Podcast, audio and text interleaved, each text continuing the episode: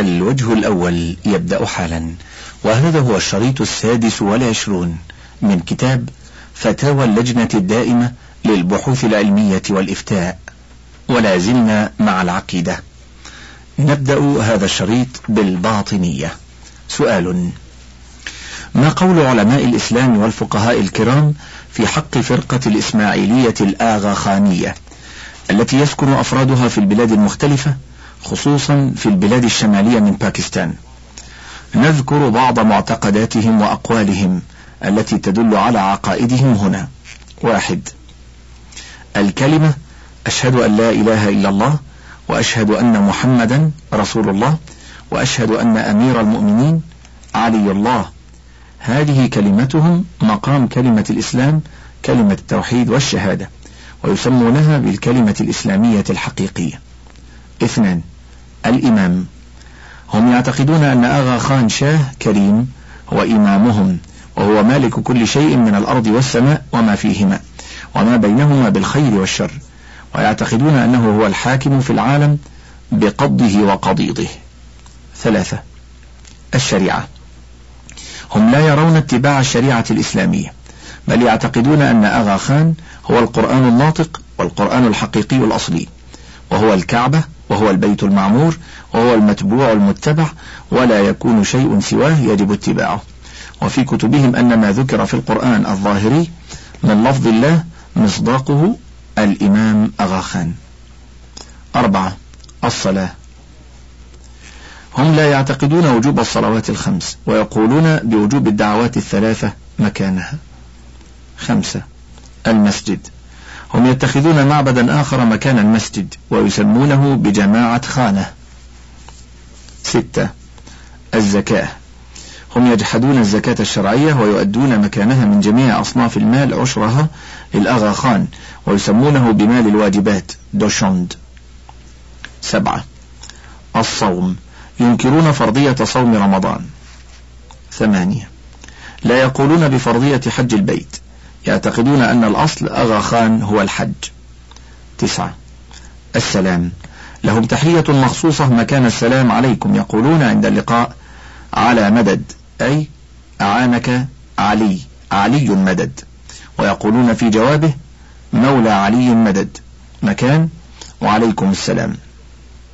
هذه نبذة من أقوالهم وعقائدهم.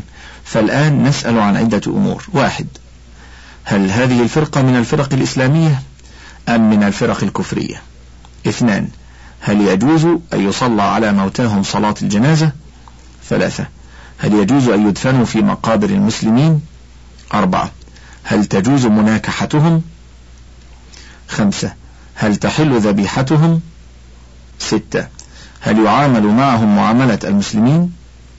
نسأل منكم بسم الله العظيم أن تصدروا جواب الاستفتاء. وتزيحوا الشبهات عن قلوب المسلمين لأن هؤلاء يبطنون عقائدهم إلى الآن ولذا سماهم المتقدمون من المشائخ بالباطنية. والآن هم أظهروا عقائدهم ويدعون الناس إليها جهرا ابتغاء لإزاغة المسلمين في عقائدهم ولوجوه أخر لا نعلمها. جواب الحمد لله وحده والصلاة والسلام على رسوله وآله وصحبه وبعد. أولا اعتقاد أن الله حل في علي أو غيره كفر محض مخرج من ملة الإسلام. وكذلك اعتقاد أن هناك أحدا يتصرف في السماء والأرض غير الله سبحانه كفر أيضا. قال تعالى إن ربكم الله الذي خلق السماوات والأرض في ستة أيام ثم استوى على العرش. يغشي الليل النهار يطلبه حثيثا. والشمس والقمر والنجوم مسخرات بأمره. ألا له الخلق والأمر. تبارك الله رب العالمين. ثانيا من اعتقد أن هناك أحدا يسعه الخروج من اتباع شريعة محمد صلى الله عليه وسلم فهو كافر كفرا يخرج من ملة الإسلام وشريعته وهي القرآن الذي أوحاه الله إليه. قال تعالى وقرآنا فرقناه لتقرأه على الناس على مكث ونزلناه تنزيلا. ومن الشريعة السنة النبوية التي هي تبيين وتفصيل للقرآن. قال تعالى وما أنزلنا عليك الكتاب إلا لتبين لهم الذي اختلفوا فيه وهدى ورحمة لقوم يؤمنون. ثالثا من أنكر وجحد شيئا من أركان الإسلام أو من واجبات الدين المعلومة بالضرورة فهو كافر ومارق من دين الإسلام.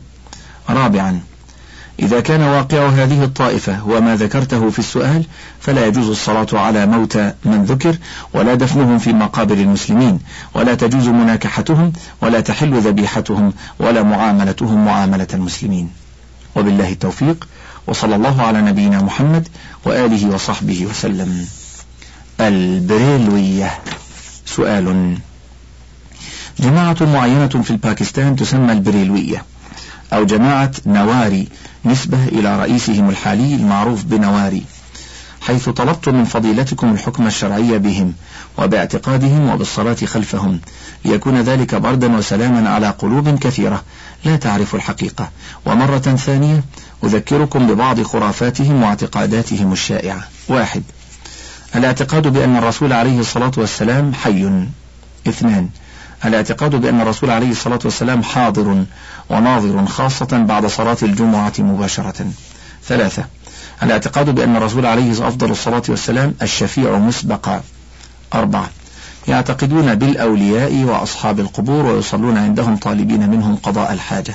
خمسة. إشادة القباب وإضاءة القبور. ستة. قولهم المشهور يا رسول يا محمد صلى الله عليه وسلم. سبعة يسخطون بمن يجهر بالتأمين ويرفع يديه في الصلاة ويعتبرونه وهابي. ثمانية التعجب الشديد عند استعمال السواك عند الصلاة. تسعة تقبيل الأصابع أثناء الوضوء والأذان وبعد الصلاة. عشرة يردد إمامهم دائما بعد الصلاة الآية إن الله وملائكته يصلون على النبي. وبالتالي فإن جميع المأمومين يصلون على النبي بشكل جماعي بصوت عال أحد عشر. يتحلقون بعد صلاة الجمعة واقفين وينشدون ويمدحون بصوت مرتفع. ثاني عشر. بعد ختم القرآن الكريم في تراويح شهر رمضان يطهون الطعام الكثير ويوزعونه في صحن المسجد بالإضافة إلى الحلويات. ثالث عشر. يشيدون المساجد ويهتمون بزخرفتها كثيرا ويكتبون فوق المحراب يا محمد. رابع عشر. يعتبرون أنفسهم هم أصحاب السنة والعقيدة الصحيحة وغيرهم على خطأ. خامس عشر. ما الحكم الشرعي بالصلاة خلفهم؟ علما بأنني طالب طب في كراتشي وأسكن بجوار المسجد والمسلطة أو المشرفة عليه تلك والمسلطة أو المشرفة عليه تلك الجماعة البريلوية جواب الحمد لله وحده والصلاة والسلام على رسوله وآله وصحبه وبعد. من هذه صفاته؟ لا تجوز الصلاة خلفه ولا تصح لو فعلت من عالم بحاله لأن معظمها صفات كفرية وبدعية. تناقض التوحيد الذي أرسل الله به رسله وأنزل به كتبه وتعارض صريح القرآن. مثل قوله سبحانه إنك ميت وإنهم ميتون. وقوله وأن المساجد لله فلا تدعوا مع الله أحدا. وينكر عليهم البدع التي يفعلونها بأسلوب حسن. فإن قبلوا فالحمد لله. وإن لم يقبلوا هجرهم وصلى في مساجد أهل السنة. وله في خليل الرحمن أسوة حسنة. في قوله وأعتزلكم وما تدعون من دون الله. وأدعو ربي عسى ألا أكون بدعاء ربي شقيا. وبالله التوفيق وصلى الله على نبينا محمد وآله وصحبه وسلم. الدروز. سؤال. الحمد لله والصلاة والسلام على رسوله وآله وصحبه وبعد. لقد اطلعت اللجنة الدائمة للبحوث العلمية والإفتاء على الرسالة التي أرسلها صاحب السمو الملكي نائب وزير الداخلية إلى سماحة الرئيس العام برقم اثنين سين خمسة آلاف وأربعمائة وتاريخ الخامس عشر من شهر جماد الأو الأولى من شهر جماد الأولى سنة سبع وتسعين وثلاثمائة وألف هجرية. واطلعت على ما جاء في النشرتين اللتين مع كتاب سموه من تفاصيل محاورتين مزعومتين. إحداهما جرت بين طالب درزي يدرس في الأزهر وبين من لقبه الدرزي بشيخ مشايخ الأزهر وسماه مصطفى الرافعي. والأخرى جرت بين من نسب في المنشور إلى السنة وسمي فيه شيخ الحق الحسيني وبين من قيل إنه أستاذ درزي يدعى أبا حسن هاني زيدان. وبناء على طلب سموه مطلعة ذلك والإفادة كتبت ما يلي. أولا نبذة عن مذهب الدروز يتبين منها حقيقة أمرهم. ثانيا بيانا مختصرا عما جاء في المحاورتين يتبين به ما فيهما من دخل وتلبيس. أولا نبذة عن مذهب الدروز. أصل الدروز فرقة سرية من فرق القرامطة الباطنية يتسمون بالتقية وكتمان أمرهم على من ليس منهم.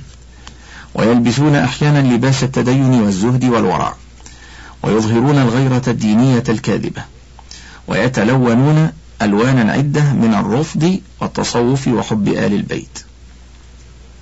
ويزعمون أنهم حملة لواء الإصلاح بين الناس وجمع شملهم ليلبسوا على الناس ويخدعوهم عن دينهم حتى إذا سنحت لهم الفرصة وقويت شوكتهم ووجدوا من الحكام من يواليهم وينصرهم ظهروا على حقيقتهم وأعلنوا عقائدهم وكشفوا عن مقاصدهم وكانوا دعاة شر وفساد ومعاول هدم للديانات والعقائد والأخلاق. يتبين ذلك لمن تتبع تاريخهم وعرف سيرتهم. من يوم وضع عبد الله بن سبأ الحميري اليهودي أصولهم وبذر بذورهم فورثها لاحقهم عن سابقهم وتواصوا بها وأحكموا تطبيقها واستمر ذلك إلى وقتنا الحاضر. والدروز وإن كانوا فرعا من فروع القرامطة الباطنية لهم مظاهرهم الخاصة من جهة نسبهم ونسبتهم من الهوة والزمن الذي ظهروا فيه والظروف التي ساعدتهم على الظهور. ونذكر فيما يلي مجمل ذلك وأمثلة له وحكم العلماء فيهم. واحد. ينسب الدروز إلى درزي وهو أبو عبد الله محمد ابن إسماعيل الدرزي وقد يروى اسمه بلفظ عبد الله الدرزي ودرزي ابن محمد.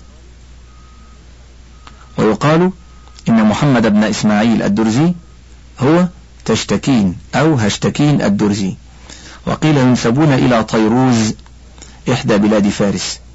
ويرى الزبيدي في التاج أن الصواب ضبط الدرزي بفتح الدال الدرزي نسبة إلى أولاد درزة وهم السفلة والخياطون والحاكة أو الحاكة اثنان وظهر محمد بن إسماعيل الدرزي أيام الحاكم بأمره أبي علي المنصور بن عبد العزيز ابن العزيز أحد ملوك العبيديين الذين حكموا مصر قريبا من مئتي سنة وزعموا أنهم من آل البيت زورا وبهتانا.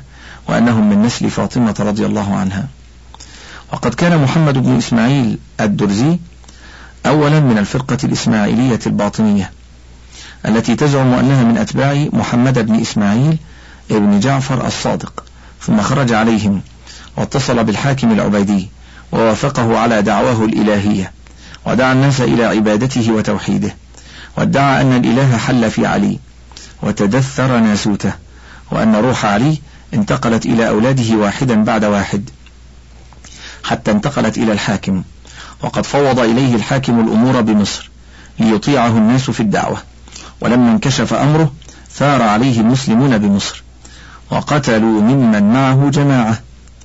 ولما أرادوا قتله هرب واختفى عند الحاكم فأعطاه مالا وأمره أن يخرج إلى الشام لينشر الدعوة هناك فخرج إليه.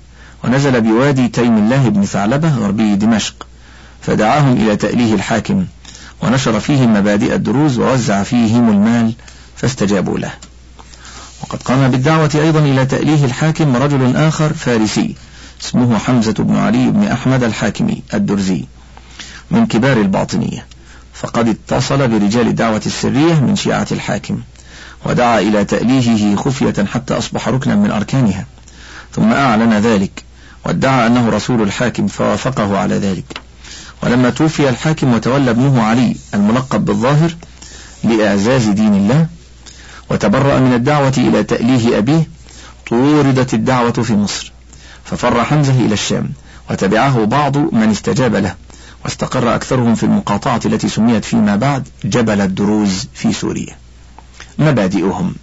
ألف. يقولون بالحلول فهم يعتقدون أن الله حل في علي رضي الله عنه ثم حل في أولاده بعده واحدا بعد واحد حتى حل في الحاكم العبيدي أبي علي المنصور بن العزيز. فالإلهية حلت ناسوته. ويؤمنون برجعة الحاكم وأنه يغيب ويظهر. باء التقية. فهم لا يبينون حقيقة مذهبهم إلا لمن كان منهم بل لا يفشون سرهم إلا لمن أمنوه ووثقوا به من جماعتهم. جيم عصمة أئمتهم. فهم يرون أن أئمتهم معصومون من الخطأ والذنوب بل ألهوهم وعبدوهم من دون الله كما فعلوا ذلك بالحاكم. دال. دعواهم علم الباطن فهم يزعمون أن لنصوص الشريعة معاني باطنة هي المقصودة منها دون ظواهرها وبنوا على هذا إلحادهم في نصوص الشريعة وتحريفهم لأخبارها وأوامرها ونواهيها. أما إلحادهم في الأخبار فإنهم أنكروا ما لله من صفات الكمال وأنكروا اليوم الآخر وما فيه من حساب وجزاء من جنة ونار واستعاضوا عن ذلك بما يسمى التقمص أو تناسخ الأرواح. وهو انتقال روح الإنسان أو الحيوان عند موته إلى بدن إنسان أو حيوان آخر عند بدء خلقه لتعيش فيه منعمة أو معذبة. وقالوا دهر دائم وعالم قائم وأرحام تدفع وأرض تبلع. وأركنوا الملائكة ورسالة الرسل واتبعوا المتفلسفة المشائين اتباع أرسطو في مبادئه ونظرياته. وأما إلحادهم في نصوص التكليف من الأوامر والنواهي فإنهم حرفوها عن مواضعها فقالوا الصلاة معرفة أسرارهم لا الصلوات الخمس التي تؤدى كل يوم وليلة. والصيام كتمان أسرارهم لا الإمساك عن المفطرات من طلوع الفجر إلى غروب الشمس. والحج زيارة الشيوخ المقدسين لديهم. واستحلوا الفواحش ما ظهر منها وما بطن. واستحلوا نكاح الأمهات والبنات. إلى غير ذلك من التلاعب بالنصوص وجحد ما جاء فيها مما علم بالضرورة أنه شريعة لله فرضها على عباده. ولذا قال فيهم أبو حامد الغزالي وغيره ظاهر مذهبهم الرفض وباطنه الكفر المحض وهم في ذلك أشبه بأصحاب رسائل إخوان الصفا في عقائدهم وأعمالهم وطريقتهم. هاء يقولون بقول أهل الطبيعة فيقولون إن الطبائع مولدة للحياة. والموت ينشأ عن فناء الحرارة الغريزية كانطفاء السراج عند انتهاء الزيت إلا من اعتبط أي قتل بحادث مثلا. إلا من اعتبط أي قتل بحادث مثلا. واو! النفاق في الدعوة والمخادعة فيها فهم يظهرون التشيع وحب آل البيت لمن يدعونه. وإذا استجاب لهم دعوه إلى الرفض وأظهروا له معايب الصحابة وقدحوا فيهم. فإذا قبل منهم كشفوا له معايب علي وطعنوا فيه. فإذا قبل منهم ذلك انتقلوا به إلى الطعن في الأنبياء. وقالوا إن لهم بواطن وأسرارا تخالف ما دعوا إليه أممهم. وقالوا إنهم كانوا أذكياء. وضعوا لأممهم نواميس شرعية ليحققوا بذلك مصالح وأغراضا دنيوية إلى آخره. بما يحكم فيهم أي في الدروز. سئل شيخ الإسلام ابن تيمية رحمه الله عما يحكم به في الدروز والنصيرية فأجاب بما يأتي. وهؤلاء الدرزية والنصيرية كفار باتفاق المسلمين. لا يحل أكل ذبائحهم ولا نكاح نسائهم بل ولا يقرون بالجزية فإنهم مرتدون عن دين الإسلام ليسوا مسلمين ولا يهود ولا نصارى. لا يقر لا يقرون بوجوب الصلوات الخمس ولا بوجوب صوم رمضان ووجوب الحج ولا تحريم ما حرم الله ورسوله من الميتة والخمر وغيرهما. وإن أظهروا الشهادتين مع هذه العقائد فهم كفار باتفاق المسلمين. فأما النصيرية فهم أتباع أبي شهيب محمد ابن نصير وكان من الغلاة الذين يقولون إن عليا إله وهم ينشدون أشهد أن لا إله إلا حيدرة الأنزع البطين ولا حجاب عليه إلا محمد الصادق الأمين ولا طريق إليه إلا سلمان ذو القوة المتين. وأما الدرزية فأتباع هشتكين الدرزي وكان من موالي الحاكم يعني العبادي أحد حكام مصر الباطنية أرسله إلى أهل وادي تيم تيم الله بن ثعلبة فدعاهم إلى إلهية الحاكم ويسمونه الباري الغلام ويحلفون به وهم من الإسماعيلية القائلين بأن محمد بن إسماعيل نسخ شريعة محمد بن عبد الله وهم أعظم كفرا من الغالية. يقولون بقدم العالم وإنكار المعاد وإنكار واجبات الإسلام ومحرماته وهم من القرامطة الباطنية الذين هم أكثر من اليهود والنصارى ومشرك العرب. وغايتهم أن يكونوا فلاسفة على مذهب أرسطو وأمثاله أو مجوسا وقولهم مركب من قول الفلاسفة والمجوس ويظهرون التشيع نفاقا والله أعلم. وقال شيخ الإسلام ابن تيمية أيضا رحمه الله ردا على نبذ لطوائف من الدروز كفر هؤلاء مما لا يختلف فيه المسلمون بل من شك في كفرهم فهو كافر مثلهم.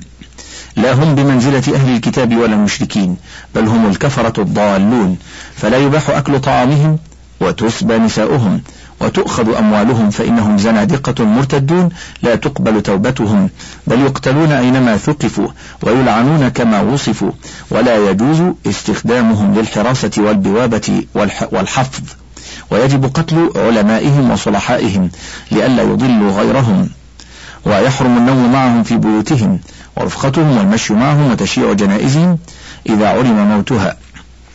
ويحرم على ولاة أمور المسلمين إضاعة ما أمر الله من إقامة الحدود عليهم بأي شيء يراه المقيم. لا المقام عليه. والله المستعان وعليه التكلان. بيان ما جاء في المحاورة الأولى من الكذب والدجل والتلبيس. واحد. جاء في صدر المحاورة الأولى أنها جرت بين طالب درزي في الأزهر شيخ شوقي حمادة وإمام الأزهر الشيخ مصطفى الرافعي ثم لقبه بعد بشيخ مشايخ الأزهر. وهذا فيه خلط وتلبيس وكذب وافتراء. أما الخلط والتلبيس فإن إمام الأزهر هو الذي يصلي بالناس الصلوات الخمس بالجامع الأزهر وقد يخطب خطبة الجمعة فيه وهو في عمله تابع لوزارة الأوقاف. وأما شيخ مشايخ الأزهر فإنه ليس إماما للصلاة فيه ولا خطيبا للجمعة به. وإنما هو مسؤول عن التعليم بالأزهر ومنصبه أعلى ممن يصلي بالناس إماما. وأما الكذب والافتراء فإنه لم يعرف في تاريخ الأزهر في عهد من العهود ولا في يوم من الأيام أن شخصا يقال له مصطفى الرافعي تولى مشيخة الأزهر أو كان شيخا لمشايخ الأزهر. فواقع التاريخ أصدق شاهد على كذب هذه الدعوة وأقوى دليل على أن كاتب هذه النشرة ليس على بينة مما يكتب وأن هذه المحاورة مصطنعة وليس هذا بعجيب. فإن الدروز من الباطنية وشأنهم التلبيس والكذب والتقية والشيء من معدنه لا يستغرب. اثنان. قال الدرزي للشيخ مصطفى الرافعي المزعوم ما رأي فضيلتكم بالدروز؟ فقال الشيخ الرافعي إن الدروز من حيث عاداتهم وتقاليدهم وأخلاقهم مسلمون إنما من حيث الدين فلا نعدهم مسلمين. انتهى. إن مثل هذا الجواب لا يصدر عن مسلم. عرف عقائد الإسلام وأحكامه وعرف عقائد الدروز وأعمالهم وأحوالهم. فضلا عن أن يصدر من شيخ مشايخ الأزهر. فإن شرائع الإسلام وواقع تاريخ الدروز يشهد بأن الدروز ليسوا بمسلمين لا في ظواهرهم ولا في بواطنهم. فإنهم عندما تتاح لهم الفرصة تنكشف حقيقتهم ويعلنون إلحادهم وكفرهم ويعتدون على دماء المسلمين وأعراضهم وأموالهم. ويسعون في الأرض فسادا كما حصل في أيام الحاكم العبيدي أحد حكام العبيديين بمصر. أما عندما تحيط بهم الأزمات ويضيق عليهم الخناق فإنهم يلتزمون التقية ويلبسون لباس التدين ويظهرون بمظهر الغيرة والإصلاح نفاقا وزندقة. وهذا هو شأنهم مع المسلمين. ومع ذلك فقد استنكر الطالب الدرزي جواب من سماه شيخ مشايخ الأزهر. وقال ما السبب؟ فقال الشيخ المزعوم لأنهم يعبدون الحاكم. فازداد الطالب الدرزي غضبا وخطأ وخطأ الشيخ في ذلك بما يتضمن إنكاره لوجود الإله الحق ويدل دلالة صريحة على كفر الدروز وفساد عقائدهم. فقال يخطئ من يقول إننا نؤله حاكما وإنما نحن نعتقد أن لا إله إلا الله وأنه واحد أحد فرد صمد لم يلد ولم يولد ولم يكن له كفوا أحد. ومن المعلوم في مذهبنا أن الله ليس كمثله شيء فهو لا يدرك ولا يوصف ولا هو جالس ولا هو واقف ولا هو ساهر ولا هو نائم ولا قائم ولا قاعد إنه منزه عن الأرواح والعدد. ونعتقد أيضا أن الله سبحانه سيتجلى للناس في اليوم الآخر ويبدو لهم ليتم الإيمان به حقا وصدقا. يتأنس إليهم ليثبت الحجة عليهم. إذ هم يعجزون عن إدراك كيفيته ولا يبلغون بقوة عقولهم ماهيته. وإنما النظر إليه كالنظر إلى وجهه في المرآة. ألا ترى يا فضيلة الإمام الأكبر عندما تنظر في المرآة صورة تماثل صورتك؟ قال الشيخ نعم. قال الطالب الدرزي هذه الصورة منزهة عن جميع الصفات البشرية. لا تأكل ولا تشرب ولا تعي ولا ولا. نحن نعتقد أنك كما تنظر إلى المرآة وترى صورتك البادية المجردة عن جميع الصفات تبدو لنا صورة الله المنزه عن جميع الصفات. انتهى. إن الواقع التاريخي والعلمي يشهد بأن الدروز يعبدون الحاكم ويؤلهونه وأن الحاكم العبيدي ادعى الألوهية لنفسه وكان المقربون إليه من بطانته يدعون إلى عبادته وأن الطالب الدرزي كذاب في استنكاره ذلك. ثم لبس وخلط في كلامه وأتى بما هو كفر في رده واستنكاره وقال يخطئ من يقول إننا نؤله حاكما فنكر حاكما. وإنما الكلام في عبادتهم وتأليههم للحاكم العبيدي الذي كان ملكا على مصر ونفى عن الله الصفات كلها وشبهه بالصورة في المرآة فقال إنما الناظر إليه كالناظر في صورته في المرآة. وقال نحن نعتقد يا فضيلة الإمام الأكبر أنك كما تنظر إلى المرآة وترى صورتك البادية المجردة عن جميع الصفات تبدو لنا صورة الله المنزه عن جميع الصفات فجعله بهذا عدما لا وجود له. قال الشيخ ما رأيك بالتقمص؟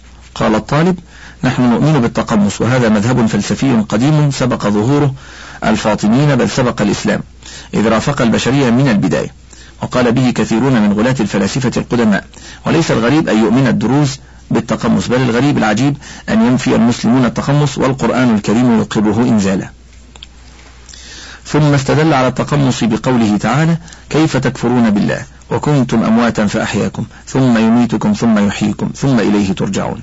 وقوله تعالى منها خلقناكم وفيها نعيدكم ومنها نخرجكم تارة أخرى. وبما نسبه إلى النبي صلى الله عليه وسلم من قوله ما زلت أنتقل إليكم من أصلاب المؤمنين إلى أرحام المؤمنات إلى يومنا هذا. إلى آخره. لقد أقر الطالب الدرزي بأن الدروز يؤمنون بالتقمص وهو تناسخ الأرواح بمعنى انتقال الروح من حي عند موته إلى بدن آخر عند خلقه. ودائما ومن المعلوم أن الذين يؤمنون بذلك لا يؤمنون بيوم القيامة الذي صرحت به نصوص الكتاب والسنة وأجمعت عليه الأمة ولا يؤمنون بما فيه من حساب وجزاء بجنة أو بنار ويتأولون نصوص القيامة بخروج إمامهم كرجوع الحاكم في نظر الدروز وظهوره بعد اختفائه ويقولون إن الروح إذا صفت بمجانبة الهوى وبالعلم والعبادة عادت إلى وطنها الأصلي وكملت بموتها وتخلصها من أغلال البدن وقيوده. وأما الأرواح أو النفوس المنكوسة المعرضة عن طلب رشدها من الأئمة المعصومين فإنها تعذب ببقائها في الأبدان تتناسخ فيها. كلما خرجت من جسد عند موته تلقاها آخر. واستدلوا على ذلك بما تقدم وبقوله تعالى كلما نضجت جلودهم بدلناهم جلودا غيرها ليذوقوا العذاب ولا شك أن تأويلهم للقيامة بخروج إيمانهم تحريف للكلم عن مواضعه. خروج بالقرآن عن معناه في لغة العرب التي بها نزل ومخالف لصريح آياته ومعارض لنصوص الأخبار المتواترة الصريحة الدالة على البعث والنشور والحساب والجزاء بجنة أو نار. فتأويلهم ذلك ضلال مبين وكفر صريح وقولهم بتخلص الأرواح للأبدان على ما سبق بيانه محض خرس وتخمين لا أساس له من الصحة ولا مستند له من عقل ولا نقل. ودعواهم أن القرآن دل على ذلك كذب وافتراء فإن معنى قوله تعالى كيف تكفرون بالله وكنتم أمواتا فأحياكم الآية؟ كنتم أمواتا قبل أن يصوركم الله في الأرحام وينفخ فيكم الروح فأحياكم سبحانه بنفخ الروح فيكم ثم يميتكم بقبض أرواحكم عند انتهاء آجالكم في الدنيا. ثم يحييكم يوم البعث والنشور للحساب والجزاء. هذا هو معنى الآية الصريح في لغة العرب التي بها نزل القرآن وشرحته السنة الصحيحة الصريحة. وليس فيها دلالة على أن الروح إذا خرجت من إنسان عند موته تجعل في بدن آخر ليكون مخلوقا يحيا في هذه الدنيا. وكذا القول في تفسير آية منها خلقناكم وفيها نعيدكم ومنها نخرجكم تارة أخرى. فمعناها من الأرض خلقناكم فكنتم أحياء في الدنيا. وإلى الأرض تعودون فتقبرون فيها عند موتكم ومنها نخرجكم أحياء عند البعث والنشور. وتفسير الآيتين بما زعموه من تناسخ الأرواح تفسير بالهوى وتحريف لها عما لا يدلان عليه في لغة العرب. ومخالف لصريح آيات القرآن والأحاديث الصحيحة المتواترة في بيان معناهما ولإجماع أهل العلم والإيمان.